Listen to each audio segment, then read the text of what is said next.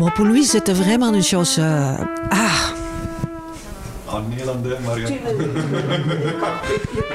maar het is ook wel leuk, Marion. dat is helemaal niet leuk.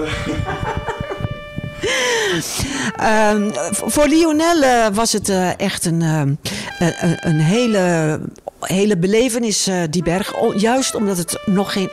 Het werk is nog niet af, het is een, is het een jong bos. Voor sommige mensen eh, eh, was het eh, zeggen.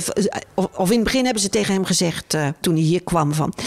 Of je loopt heel hard weg, of je gaat hier nooit meer weg. En voor hem was het geval, ik ga hier nooit meer weg. Want het was ontzettend interessant, omdat het bos, het is een bos in wording.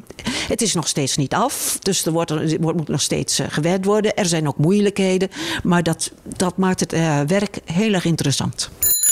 Ik ben Jerry. En ik ben Kees.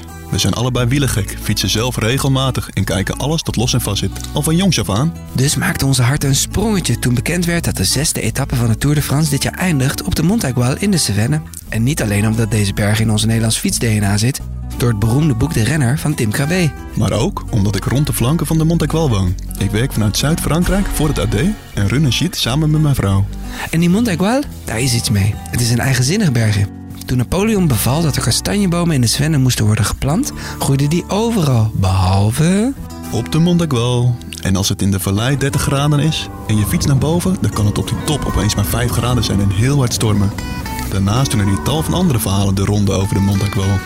Van epische wielenverhalen tot bosbranden en zelfs de dood. De reden genoeg om op onderzoek te gaan en de lokale verhalen van de Montaigual te ontdekken.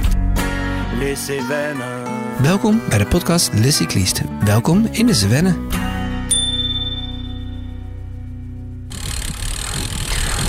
We fietsen nu net het dorpje Managou uit. eh, aan de voet van de Col de la Lucette zitten we nu. Dat was even wat vlakker, dus we hebben daar wat kunnen eten. De laatste reepjes. En Kees jelletjes- is, Kees is weer even bij me gekomen. de laatste jelletjes naar binnen, want zometeen wordt het stil en hebben we daar geen tijd, en moe, geen tijd meer voor. Ik heb het zwaar, eerlijk gezegd, en het zwaarste deel komt er nu aan, de komende 10 kilometer. En Jerry ziet er nog redelijk uit. We fietsen hier echt. Even, we hebben geen uitzicht even, want we fietsen hier echt midden in de bossen. Overal loofbomen, naaldbomen, kastanjes, beuken. Op deze hoogte staat alles wel door elkaar. En het is eigenlijk een gekke gedachte, want ik heb zwart-wit beelden en foto's gezien in de 18e en 19e eeuw. Ja, was dit gewoon één grote kale berg. Alle mensen die hier woonden kapten het hout voor, eh, om het op te branden, te verwarmen en dan voor de industrieën die hier waren. En de herders vonden dat wel prima, want die hadden grote weiden om hun schapen te kunnen laten grazen. Maar dat leidde halverwege de 19e eeuw tot hele grote problemen. Het kan hier enorm regenen. En dat had enorme waterstromen, modderlawines en overgelopen rivieren tot gevolg. Dus werd er vanuit de staat eh, ja, halverwege die 19e eeuw een boswachter aangesteld, meneer Faber. En die ging deze berg, deze kale berg, de Montagual, opnieuw bebossen. En dat is echt een heel bijzonder verhaal, want je ziet zwart-wit beelden. Honderden mensen achter elkaar omhoog. Die bergen opstiefelen, klompen aan. Mannen, maar ook vrouwen en kinderen.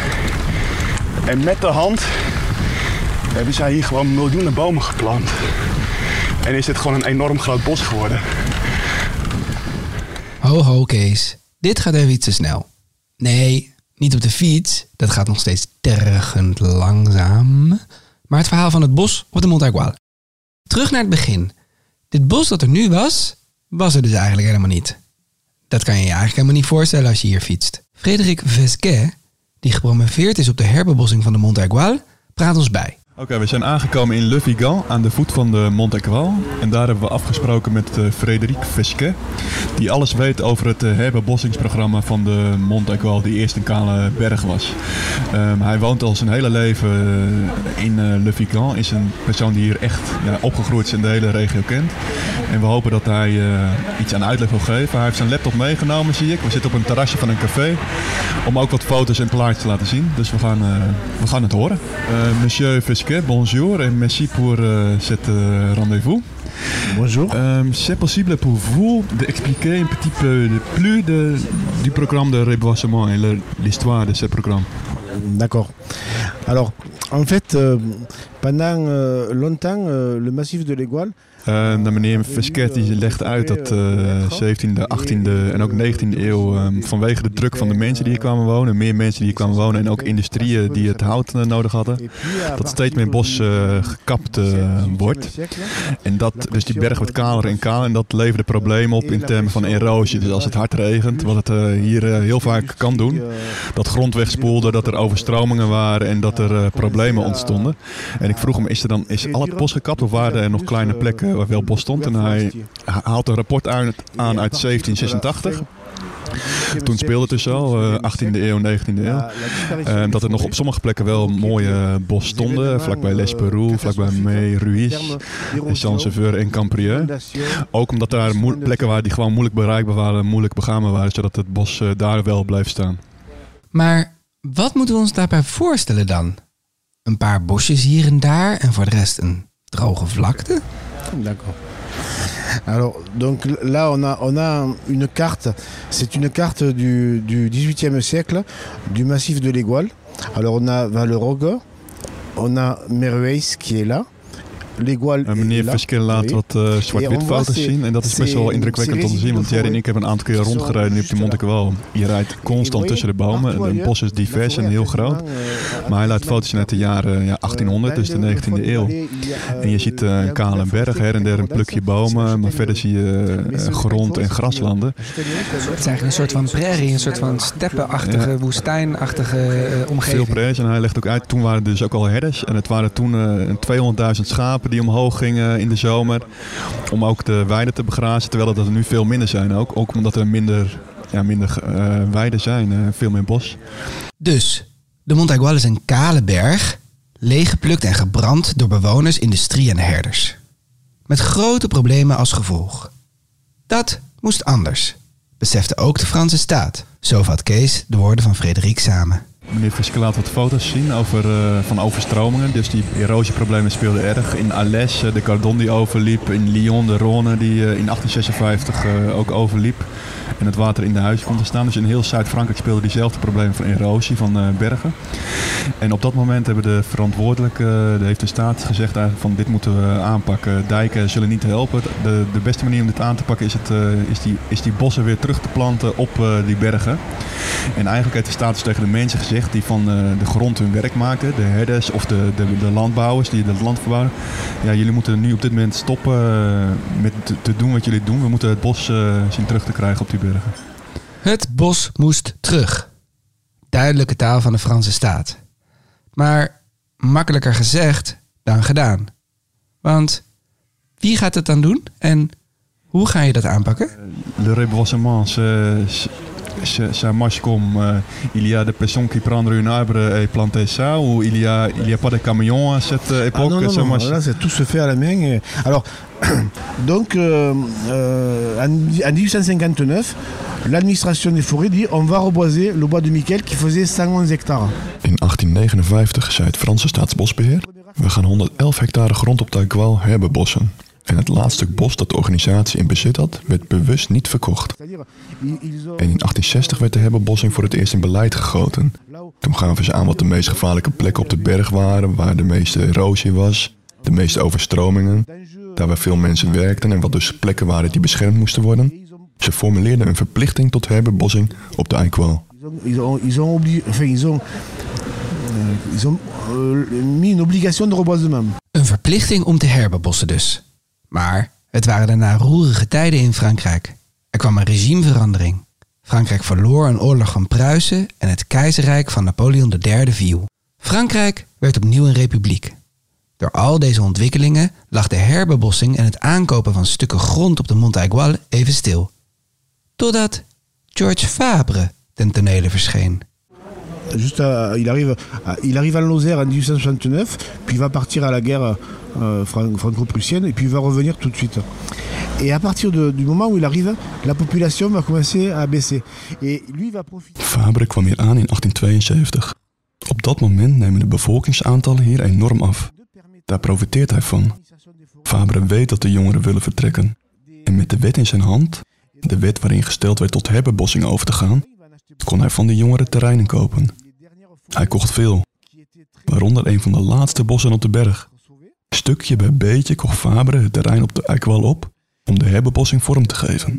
Terrains. Et finalement, euh, avant même de créer de, de nouveaux périmètres de reboisement, la, la- la superficie qui est possédée par l'État sur le massif de l'Égual, entre 1860, il- où il avait 111 hectares, Van 11 hectare bos in 1860 ging het naar 13.000 hectare na de Eerste Wereldoorlog. 111 hectares, Dit stuk grond in de regio's Gare en Lozère werd de plek van systematische herbebossing door de staat.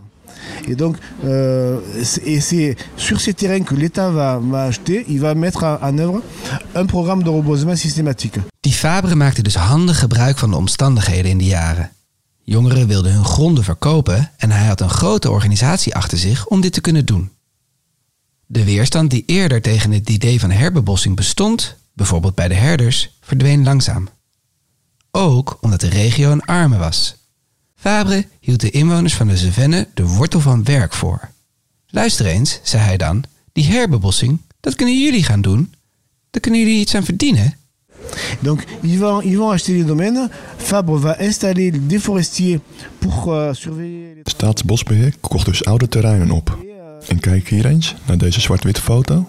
Daarop zie je vijf personen. Dat zijn allemaal boswachters. Dus ze kochten een stukje grond en daarna zette Fabre er een boswachter neer om de herbebossing op dat terrein in de gaten te houden. En zo, stukje bij beetje, werden stukken grond aangekocht om bomen te planten op de Eikwaal. Il va, là, là, vous avez un exemple de plantation de résineux. Et, et, cette plantation de résineux, elles sont à, euh, sur le plateau de Montals. C'est entre, euh, c'est entre l'Espirou et le Vigan quand, on- quand on monte. Et ce, Dat gebeurde bijvoorbeeld tussen Lesperoux en Le Vigan. Die stukken grond waren van mensen die tussen Montpellier en Nîmes woonden. George Fabre ging er dan heen om met de families over de grond te onderhandelen. Dat kon jaren duren, maar dan had hij er wel weer 600 hectare bij. Et quand il a acheté, il y a, il y a 600 hectares. Les 600 hectares vont être reboisés. En zo kreeg Faber stukje bij stukje het bos terug op de Montaguale. Iets waar wij op de fiets nu van genieten. Kijk, Kees, daarboven is het. Ja, ik zie het. eh. Zie je waar die bomen stoppen? Ja. Waar het echt weer kaal wordt? Daar is de top. Ja, we klimmen eigenlijk van 600 naar 1667 meter. Hè? 1000, ke- 1000 meter klimmen vanaf de voet eh, van de, luik, van de Luzet. Ja. Misschien nog wel iets meer. Ja, er zit een klein afdalingje in. Ja. En misschien voordat het stil wordt dat ik niet meer kan praten. Wat ik wel mooi vind aan het verhaal van Frederik Fisquet over die bebossing. Was dat die mensen eigenlijk door boswachter Faber werd verteld. Jullie moeten stoppen met de manier waarop jullie nu leven. Je mag het bos niet meer kappen, wat je wel nodig hebt voor werk of verwarming. We gaan het anders doen. Dus dat stuit aanvankelijk op best veel weerstand bij de mensen hier en de herders. Maar tegelijkertijd zagen die ook de gevolgen van die regenval op die grond en die modderlawines. En kregen ze betaald. Dus er werd een nieuwe vorm van werkgelegenheid gevonden. En eh, een groot deel van de bevolking ging meehelpen met het beplanten van, van die berg. En zo kreeg de bevolking eigenlijk mee, hè? Zeker, het was het goede momentum eh, waarschijnlijk. Oké, nu even een praatpauze. Hoeveel is het hier? 12. 12 procent. Terwijl Kees niet meer kan praten op de eerste steilere stukken op de Lisette en ik hem blijf aanmoedigen om verder te ploeteren, is het tijd om dat aangeplante bos eens van dichtbij te bekijken. Dat doen we met boswachter Lionel Girompère. Althans, dat proberen we te doen, maar Kees heeft wat moeite om hem bij te houden.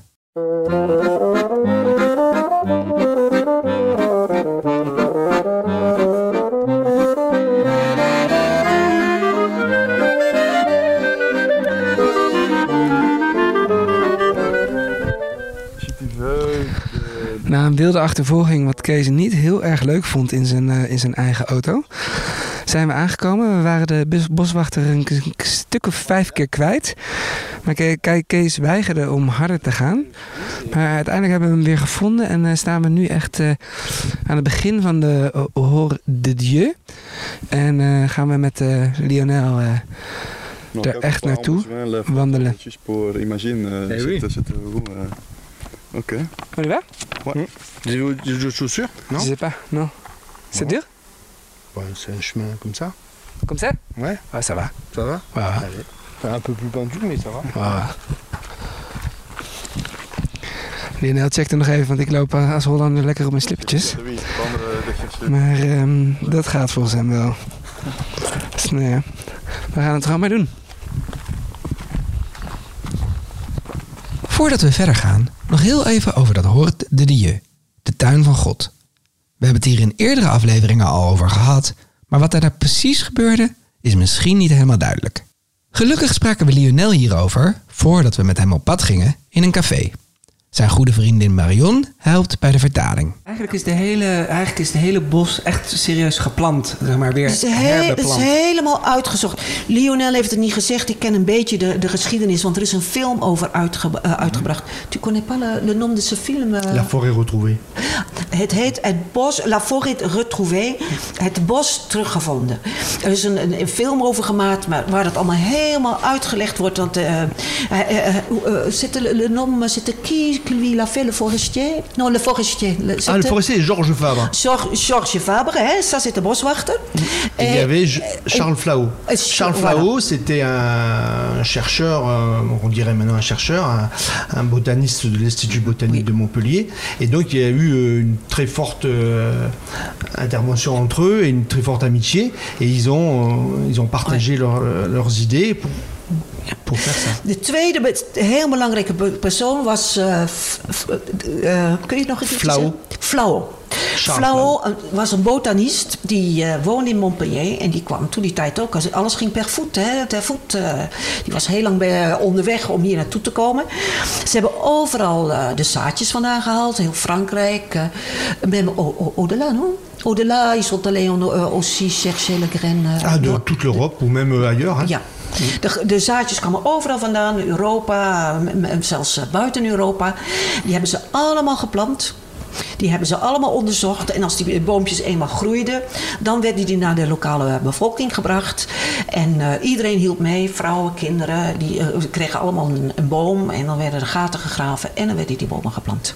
Nou, en het experimenteren met de verschillende boomsoorten, dat gebeurde dus in het Hort de Dieu, de tuin van God, waar we nu naar op weg zijn. Zijn, eh, we zijn weer terug eh, met, de, met de boswachter Lionel, die we in februari eigenlijk hebben gesproken. En toen waren we binnen en was er nog niet zoveel te zien.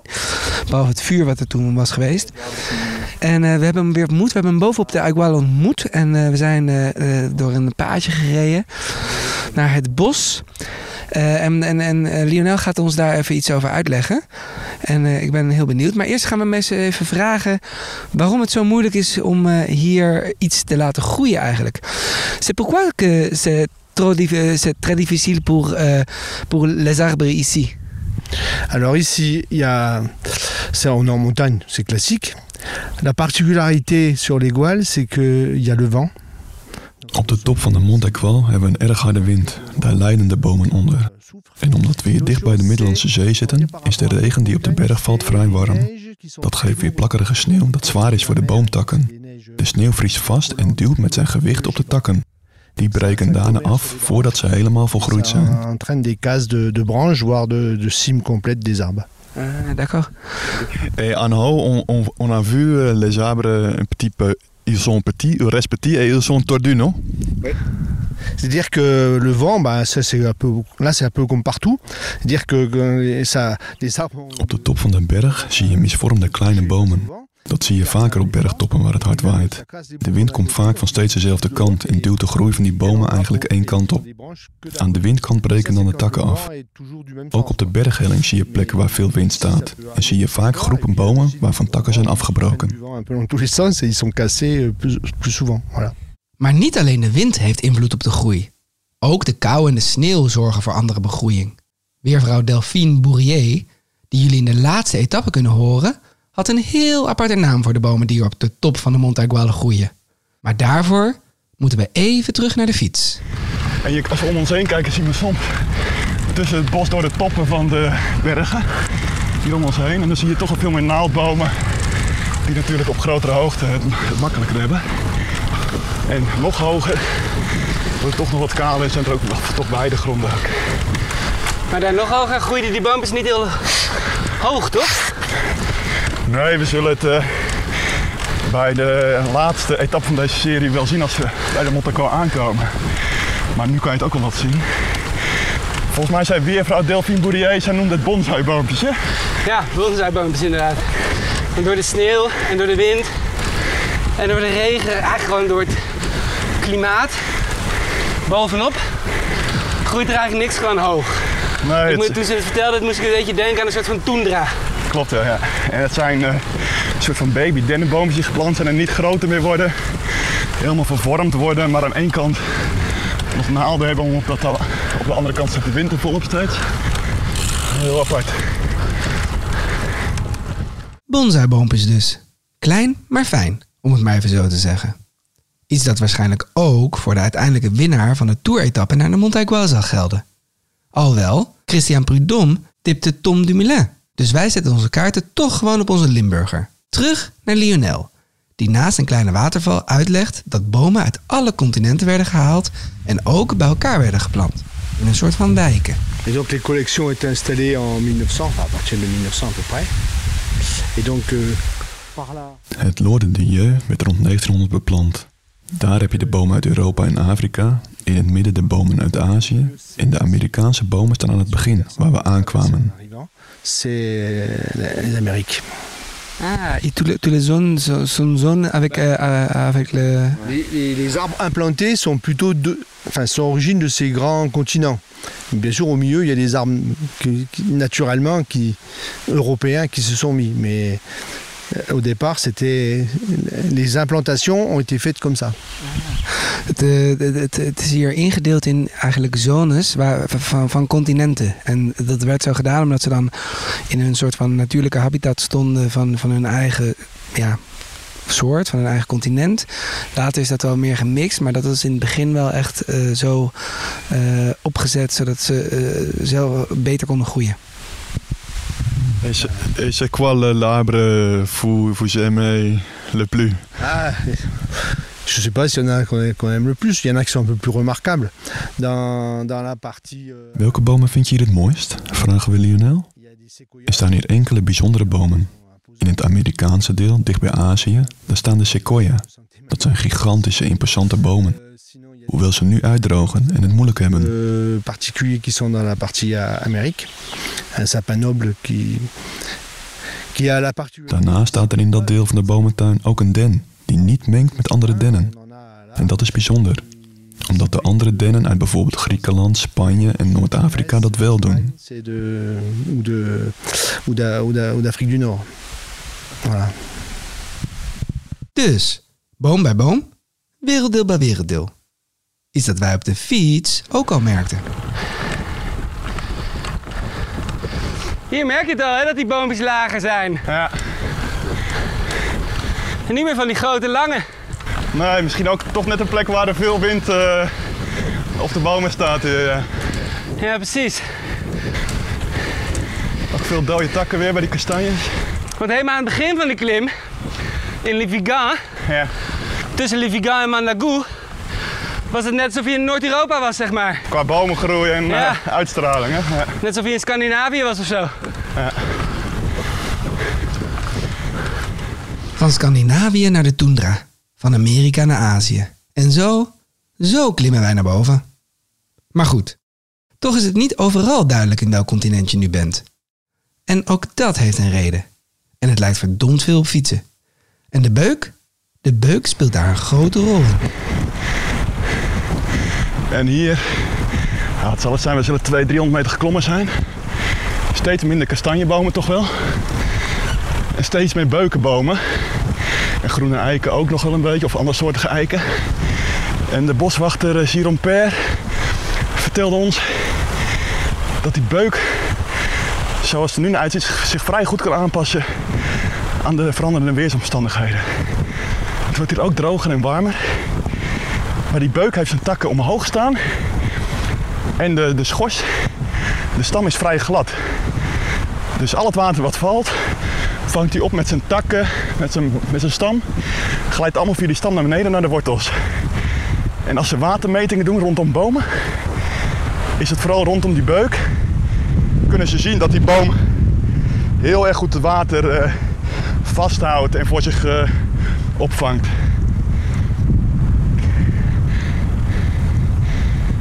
Het zou wel eens een boom kunnen zijn die hier nog heel lang blijft staan.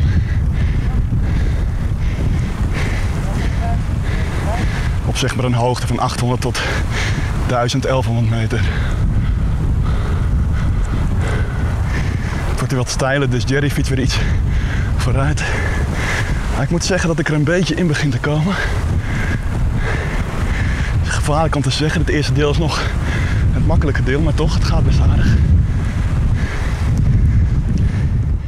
Lijkt wel een wielrenner die beuk.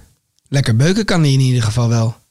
En dat is niet onbelangrijk, zo blijkt uit de woorden van Lionel. Want hoewel de bomen wel geplant werden bij hun vriendjes, lijkt een bos meer op een peloton dan je zou denken. Uiteindelijk telt maar één ding, concluderen Kees en ik, als Kees eindelijk weer bij mij is gekomen. Of nou ja, als ik even een stukje ben afgedaald om samen te fietsen. Ik vertelde net nog even over dat bos en die beuken die eh, Lionel Giron ons liet zien. Ja. Die zo goed in staat waren dat water op te vangen. hè. Ja. En verder wat hij ook zei is dat vooral het rechts van de sterkte, sterkste geldt, toch? Ja, want het waren dus eerst ook qua beplanting waren het eh, wijken, zeg maar in het echt. Dus niet alleen in dat bos. Maar dat zie je nog wel, maar niet meer helemaal. Want sommige bomen wonnen het, winnen het gewoon. En ja, dan is de rest gewoon pech. Ja, dus wat je eerst als soort samen werden geplant, zie je nu dat die meer die eh, mix optreedt. Hè? Ja, Dat de zaden zich verspreiden en dat de sterke bomen harder en hoog groeien en de zon pakken. ja. Ja, en dan ook weer gewoon die andere weg eh, concurreren, zeg maar. Beetje wielrennen, hè? of niet? ja.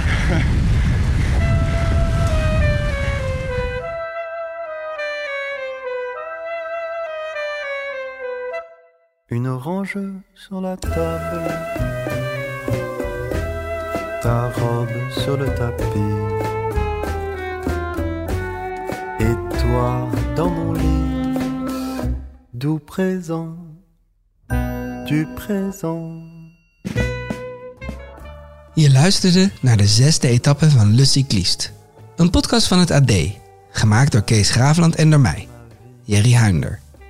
De muziek die je hoorde is van de Franse zangers Ricoen en André Minviel. De podcast is afgemixt door Olaf Notenboom. Volgende keer gaan we het hebben over wandelen. Want ook dat wordt vaak gedaan op de Mont Aigual.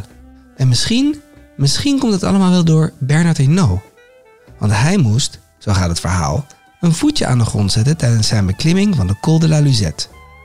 Maar zonder gekheid, de herders gebruikten vroeger al het beroemde en beruchte 4000 Marche. En nu? Nu is het een bekend wandelpad voor iedereen. In de volgende aflevering lopen we het pad zelf. Maar niet in de snelste tijd ooit, kunnen we jou vast verklappen. Wielrenners die wandelen, het blijft een slechte combinatie.